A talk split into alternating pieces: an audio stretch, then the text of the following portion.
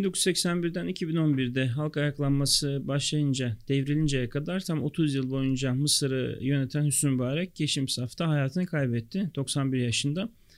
E, Mübarek'in ölüşü tabi Orta Doğu'da bir dönemin kapanması anlamına geldiği gibi aynı zamanda Mısır içinde e, yeni Mısır yönetiminin yaşananlara nasıl baktığını gösteren bir gösterge oldu. Çünkü e, mübarek bir devlet töreniyle, askeri bir törenle uğurlandı.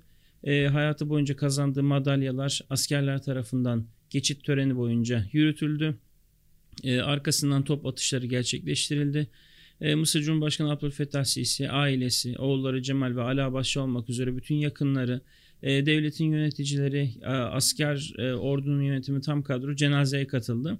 Yani adeta bir devrik lider gibi değil de sanki 2011'de yaş haddinden emekliye ayrılmış bir eski komutanın, eski cumhurbaşkanının e, vedası gibi oldu mübareğin ölümü ve defne uğurlanması. Tabii belki bir açıdan şeyi konuşmak lazım. Yani neden böyle bir şey yaptılar? Yani mübarek devrilmemiş miydi? Yanlış mı hatırlıyoruz? İkincisi de e, tabii Muhammed Mursi'ye reva görülen muameleyle belki karşılaştırmamız lazım. Yani çünkü e, o da bir cumhurbaşkanıydı. O hatta halkın seçtiği bir cumhurbaşkanıydı. Meşruiyet yönünden mübarekle asla kıyas edilemeyeceği halde e, sonrasında malum hepimizin bildiği şeyler yaşandı. E, konuşmaya belki buradan başlayabiliriz. Yani mübareği niye böyle uğurladı Mısır gibi? Ya belki de Mısır'da Arap Baharı devriminin faturasının ihvane kesildiği bir döneme şahit olduk sanırım. İlginçtir ki mübarek döneminde var olan en büyük muhalif grup Müslüman Kardeşler Teşkilatı'ydı. Mursi'nin iktidarda olduğu süre zarfında gerek eski rejimin uzantıları gerekse mübarek döneminin muhalifleri ki bunlar Müslüman kardeşler haricindekilerdi. İki iddiada buluşmuşlardı hatırlarsan. Birincisi ülkenin tekrar otoriter bir sisteme evrildiği, ikincisi ise ülkenin ihvanlaştırıldığıydı. Bu iki iddianın ulusal ve uluslararası kamuoyunda sürekli işlenmesiyle toplumsal hafıza adeta darbeye ve darbe sonrasında yaşanması muhtemel katliamların meşruluğuna hazırlanmıştı. Nitekim gerçekleştirilen darbe sadece Müslüman kardeşler mensupları tarafından darbe, diğer tüm aktörler tarafındansa devrim olarak adlandırılmış oldu. Ve en nihayetinde ordu merkezi siyasetin kodları da mübarekin cenaze törenine bu şekilde yansımış oldu diyebiliriz. E, mübareğin ölümü sosyal medyada çok paylaşılan bir kareyi akıllara getirdi. E, bu özellikle sosyal medya kullanıcılarının çok üzerinde caps yaptığı da bir kare. Hatta o kareden her bir lider eksildikçe üzerine çarpı koyarak bu fotoğrafı paylaştılar. Evet. E, dinleyicilerimiz için hatırlatalım. E, Arap Birliği'nin e, 2010'daki zirvesinde Arap Bahar başlamadan hemen önce çekilmiş bir fotoğraf bu.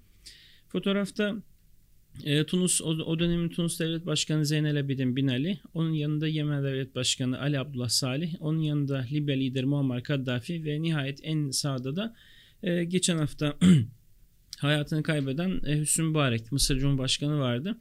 Tabii e, bu isimlerden e, devriliş sırasına göre ele aldığımız zaman ilk giden Zeynel Abidin Bin Ali oldu. Arap Baharı'nın ilk kurbanı tabiri caizse. İkinci olarak e, Muammer Kaddafi, sonra e, Ali Abdullah Salih ve nihayet geçen hafta da Hüsnü Mübarek. Tabi bu dört isim e, hepsinin farklı farklı serüvenleri oldu. Yani e, baktığımız zaman kısaca hatırlayacak olur, hatırlayacak ve hatırlatacak olursak e, Tunus Cumhurbaşkanı e, ülkeden ayrıldıktan hemen sonra e, Suudi Arabistan'ın Cidde şehrine gitti. Oraya oraya yerleşti ve geçtiğimiz yıl hayatını kaybedene kadar Cidde'de yaşadı. Böyle talihin çok enteresan bir tevafuku tesadüfüyle e, Medine'de Baki mezarlığına defnedildi. Yani Efendimiz Aleyhisselatü Vesselam'ın e, sahabelerinin ve birçok önemli Müslüman büyüğünün defnedildiği bir mezarla bir Arap diktatörü böylece defnedilmiş oldu.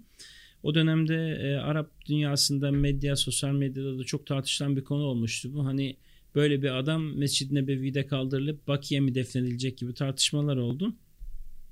İkincisi e, yine fotoğraftaki sıraya göre gidersek Yemen Devlet Başkanı Ali Abdullah Salih Suudi Arabistan ve Birleşik Arap Emirlikleri ile bir anlaşmaya oturdu. Arap Bahar başladıktan sonra e, yerini yardımcısına bıraktı Abdurrabbi Mansur Hadi'ye. E, Hadi tabii kendisiyle beraber uzun yıllar görev yaptığı için e, o dönemde Yemen'de insanların şu sorusuna sebep oldu. Ne değişti? Yani kendisi gidip yardımcısı geldi. Ama Ali Abdullah Salih vazgeçmedi mücadeleden. E, ilk önce Suudi Arabistan ve Birleşik Arap Emirlikleri'ne verdiği söze sadık kalmaya birazcık e, azimli gibi göründü. Daha sonra kendi ordusu içerisindeki bir takım unsurları harekete geçirerek iktidar döneminde düşmanı olduğu hatta liderlerini öldürttüğü Husilerle masaya oturdu ve Husilere destek vererek 2014'te Yemen'in başkenti Sana'nın İran destekli Husiler tarafından ele geçirilmesine yol açtı. Ali Abdullah Salih'in dansı ve yürüyüşü burada da bitmedi. Bu defa Husilere karşı Suudilerle tekrar masaya oturdu. E, ve Sana'dan kaçıp Suudilere sığınmak üzere ülkenin kuzeyine ülkenin kuzeyine doğru hareket ettiği bir sırada Husiler tarafından öldürüldü. E, hatta cesedi bir battaniyenin içerisinde dünyaya servis edildi ve bu şekilde sosyal medyada da paylaşıldı. E, kafatası dağılmış, parçalanmış bir şekilde. Muammer Kaddafi 2011'in ee, Mart'ında e, Arap Baharı dediğimiz süreçte Suriye ile özellikle aynı günlerde kendi ülkesinde de ayaklanmalar başladığında ilk önce ayaklanmayı ciddi bir şekilde bastırdı. Hatta bastırmayı başardı. Muhalifleri tamamen yok etti ve ordusuyla Bingazi kapılarına dayandı. Bingazi'nin düşmesi durumunda belki bugün İdlib'de geçtiğimiz yıllarda Halep'te gördüğümüz katliamlara benzer şeyler yaşanacaktı. Bu kesindi. Çünkü e, Kaddafi'nin ordusu güçlüydü. Ayrıca e, Afrika'dan ve başka yerlerden derlediği paralı askerler de kendi, kendi ordusuna destek veriyordu. Ama e, dünya orada bir karar verdi uluslararası sistem ve Kaddafi'nin düşmesi gerektiği şeklinde bir konsensus oluştu. Hatta konsensus oluştu demek belki doğru değil. E, çünkü ilk başta Amerika, İngiltere, Fransa'nın çok hızlı hareketiyle BM kararı bile beklenmeden e, Kaddafi havadan bombalanmaya başladı. Bingazi ve diğer no, kritik noktalar bombalanınca da Kaddafi geri çekilmek durumunda kaldı. Yani Bingazi düşmedi. Malum daha sonra da e, kendisi 9 Ekim 2010'da doğum yeri olan Sirt şehrinde ya da Sirte olarak da telaffuz edilir e, bir e, su kanalının içerisinde önce linç edildi daha sonra da bir zamanlar kendisini yönet, yön, kendisinin yönettiği halk tarafından da dünyanın göz önünde kameraların önünde öldürüldü. Tabii Kaddafi öldürülmeseydi, yaşıyor olsaydı ne söyleyecekti, ne yapacaktı çok önemli. Bu hala tartışılır. Özellikle e, Fransa ile ve İtalya ile yakın ilişkilerinin olduğunu biliyoruz. Fransa eski Cumhurbaşkanı Nicolas Sarkozy'nin seçim kampanyasını finanse ettiği bile daha sonra ortaya çıktı. E, şu söyleniyor, eğer Kaddafi çıksaydı e, bir mahkemeye ve sağ salim olarak yargılansaydı ve bu mahkemede dünyanın gözü önünde cereyan etseydi muhtemelen e, Avrupa'da çok ciddi siyasi krizler ortaya çıkacaktı. Kaddafi ile Libya ile Avrupa ilişkileri açısından. Ve nihayet Hüsnü Mübarek geçtiğimiz hafta e, gene o da 2011'de devrildikten sonra diğerlerinin aksine ne ülkeden ayrıldı ne linç edildi ne kendi ülkesindeki bazı unsurlara karşı başkalarıyla işbirliği yaptı. Mübarek'in çizgisi çok farklı oldu. Mübarek adeta e, Mısır ordusu tarafından emekliye ayrıldı. 2011'deki atmosferi düşünecek olursak mübarek zaten 30 yılını iktidarda doldurmuş. E, artık e, ordu saflarından çok ciddi şekilde kendisine daha şikayetlerin olduğu, oğlu Cemal'i e, kendisinden sonra getirmeyi düşündüğü ya da bu yönde bir takım tahminler olduğu için ordunun da kendisine karşı rahatsızlık duyduğu bir isimdi. 2011'deki halk ayaklanması adeta e, Mısır ordusuna Hüsnü Mübarek'ten kurtulma fırsatı verdi. Ama Mübarek saygın bir asker ve e, orduya emeği geçmiş önemli bir komutan da olduğu için aynı zamanda e, Mısır ordusu mübareğin şerefini çiğnemedi ve çiğnetmedi.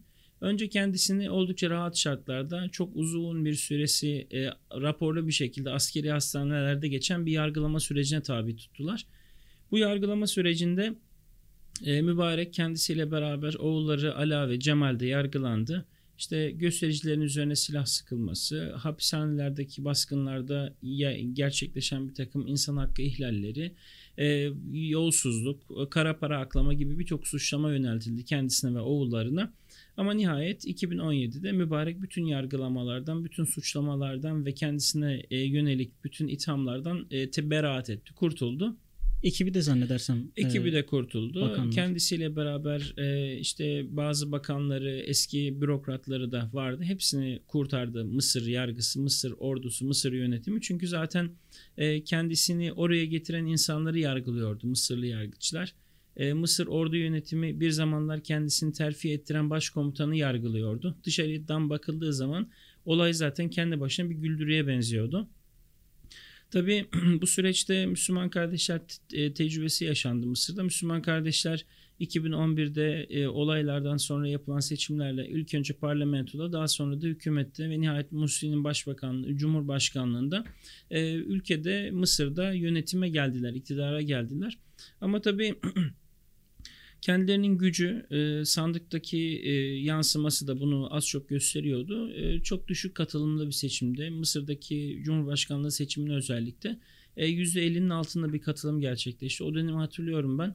Bütün dünya işte 3000 yıllık 5000 yıllık Mısır tarihinin ilk özgür seçimi diye bütün Mısırlıları sandığa gitmeye zorlarken Mısır halkı sandığa gitmedi. E, bu sadece e, işte ordu kendilerini zorladı ya da orduyla e, işte halk arasında böyle bir gerilim var gibi okunamaz. E, Mısır halkının sandıktan ne beklediği ya da sandıktan ne anladığı sorusu bu noktada belki sorulmalı.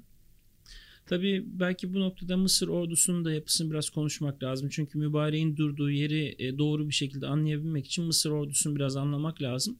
Biz tabii dışarıdan baktığımızda bölgeye dışarıdan bakan insanlar olarak Mısır'ı ya da Mısır ordusunu sanki e, ülkede çok ufak bir azınlığın e, kendi imtiyazlarını sürdürdükleri, ülkenin de başına adeta bir bela gibi çöken e, bir tür e, umacı, bir tür heyula gibi görüyoruz. Mısır ordusunun yapısı biraz farklı.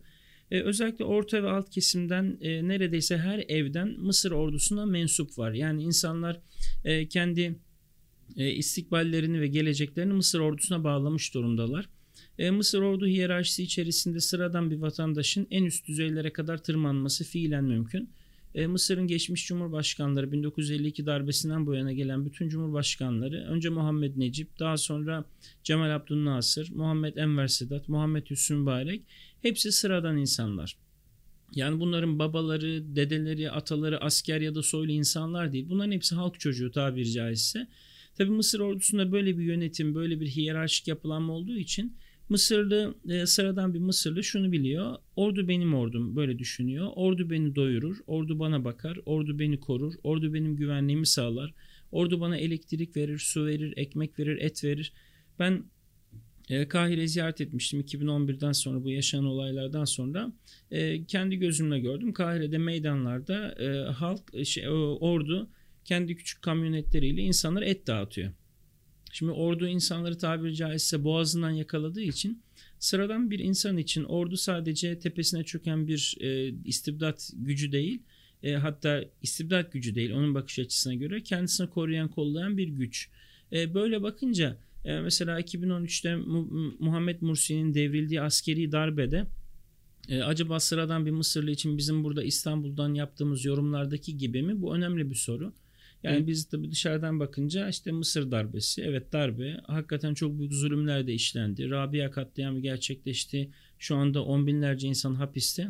Ama 104 milyonluk bir e, Mısır'ın e, işte bir, birkaç on bin e, insanın içeride oluşunu düşündüğümüz zaman nüf Mısır'ın nüfusuyla acaba halkın geneli bütün bu olan bitene nasıl bakıyor sorusunu ben çok önemli buluyorum.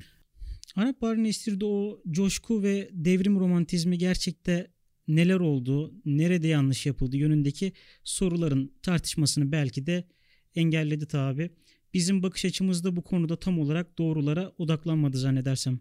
Bir de bizdeki mesela Türkiye'nin e, biraz ordusuyla da kıyaslama yanlışını da yaptık. Ya mesela bizde darbe dönemlerinde geçtiğimiz yıllarda mesela ordu e, bir takım imtiyazları kullanarak ya da genel anlamda halkın genelinin değerlerinden kopuk olarak bir takım şeyleri yapmıştı. Ama Mısır ordusuna bugün baktığınızda e, hakikaten Mısır halkıyla da bu anlamda halkın kahir ekseriyetiyle bir uyumunun olduğu görülüyor. Tabi e, militarizm ya da uzun yıllara yayılan askeri yönetimler kendi kurumlarını, kendi menfaat odaklarını, kendi ilişkilerini de oluşturuyorlar. E, Cemal Abdülnasır'a bugün Mısırlılar hala saygı duyuyor. Enver Sadat'a hala saygı duyuyorlar. Hüsnü Bari'ye aynı şekilde. Tabi bütün bu isimler dışarıdan ya da Türkiye'den bakıldığı zaman işte diktatör, zalim, firavun gibi isimlerle anılıyor. Yine 2011 yılında hatırlarsan yapılan bazı yorumlarda ordunun o dönem mübarek istifa baskısı yapması nedeniyle bunun bir devrimden çok darbe olduğu görüşü ön plana çıkmıştı. Ancak nihayetinde senin de vurguladığın gibi mübarek emekliye ayrılmış bir devlet başkanı muamelesi gördü. Ya zaten darbe mi devrim mi tartışması biraz da şey gibi hani e, baktığımız yere göre değişen kavramlar. Mesela bugün işte devrimler süreci olarak işte 2011'den sonra yaşananları okuduğumuzda yani E, kime göre devrim, nasıl devrim, hani bu devrimler nereye kadar gider? Yani belki Arap Baharı'nı tabii ayrı bir şekilde de ayrı bir programda da konuşabiliriz. Hani Arap Baharı'nın en böyle başarılı olduğu ya da sonucu ulaştığı yer malum tek Mısır, bir tek Tunus. Yani Tunus'ta da e, Nahda hareketinin kendi ilerlemesi ya da kendi hareketinin menfaati pahasına bazı şeylerden feragat etmesiyle bir şeyler gerçekleşebildi. Tabii Tunus'un bir şansı diğer ülkeler gibi güçlü bir ordusunun olmamasıydı. Bu da tabii başka bir e, yani mevzunun başka bir tarafı. Belki dikkatle e, dikkate alınması gereken bir tarafı. Velhasıl e, fotoğraftaki dört isim de şu anda yok. Hani belki konuyu şuraya bağlamak lazım. E, bunların yokluğuyla bu ülkeler daha mı iyi oldu yoksa daha mı kötü oldu? Genelde o da tartışılır bizde. Mesela evet. Kaddafi gitti bakın Libya ne halde denir. Ama Saddam için de aynısı söylenir. Ama Kaddafi varken Libya ne haldeydi kimse bilmez. Evet. Ya da e, Irak Saddam döneminde çok güzel bir ülkeydi. Harika çok sadece neydi? İşte aşağı yukarı tek parçaydı. Ama tek parça olmasının arkasında katliamlar, sürgünler, acılar, işte Halepçe katliamı falan gibi sayısız acı vardı. Şimdi tabii ki işte iki kötü arasından birini tercih etmek durumunda kalıyor İslam dünyası şu anda. Dolayısıyla Saddam sonrasında yaşananlara, Amerikan işgaline falan bakınca insanlar diyorlar ki Saddam iyiydi herhalde. Hani çünkü Aynen. iki tarafın birden yani hem işgalin hem de diktatörlüğün kötü olabileceği genelde akıllara gelmiyor. Kaddafi için de yani Kaddafi kendi halkının belli bir kesimini memnun ederek iktidarda kalmıştı ama çok ciddi bir kesimini de eziyordu. Kendisinin devrilmesinden sonra çok sayıda toplu mezar ve hapishane de gizli hapishane de ortaya çıktı.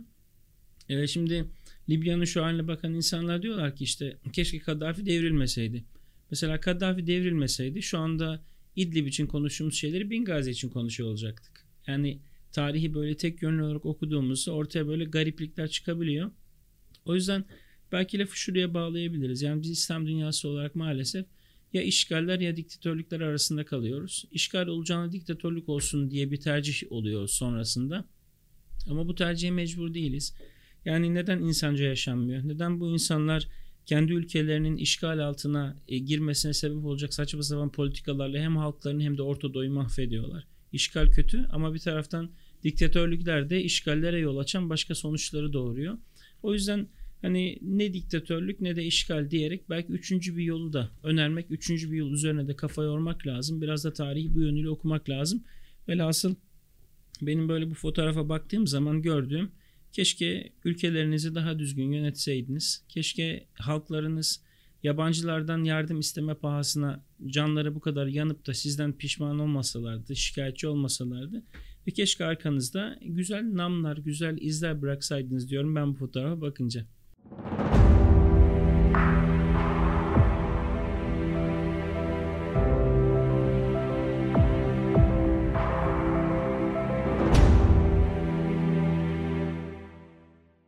Evet bu arada bir e, podcast yayının sponsor yayınları var. Ketebi yayınları. E, senin de bildiğin gibi Ketep Orta Doğu alanında yayınlar, yayınlara yer veriyor. Hatta senin de Orta Doğu'ya dair 20 tez adlı bir kitabın yayınlanmıştı oradan. Yayınımıza özel bir indirim kodu bulunuyor. Dinleyicilerimiz birlikte dağıtımın internet sitesi olan birlikte.com'dan yapacağı ketep alışverişlerinde %20 indir, indirim kazanacak. Tek yapmaları gereken alışveriş sırasında indirim kodu bölümüne gezete 20 kodunu yazmaları. Ketebe ile keyifli okumalar diyelim ve yayını burada sona erdirelim.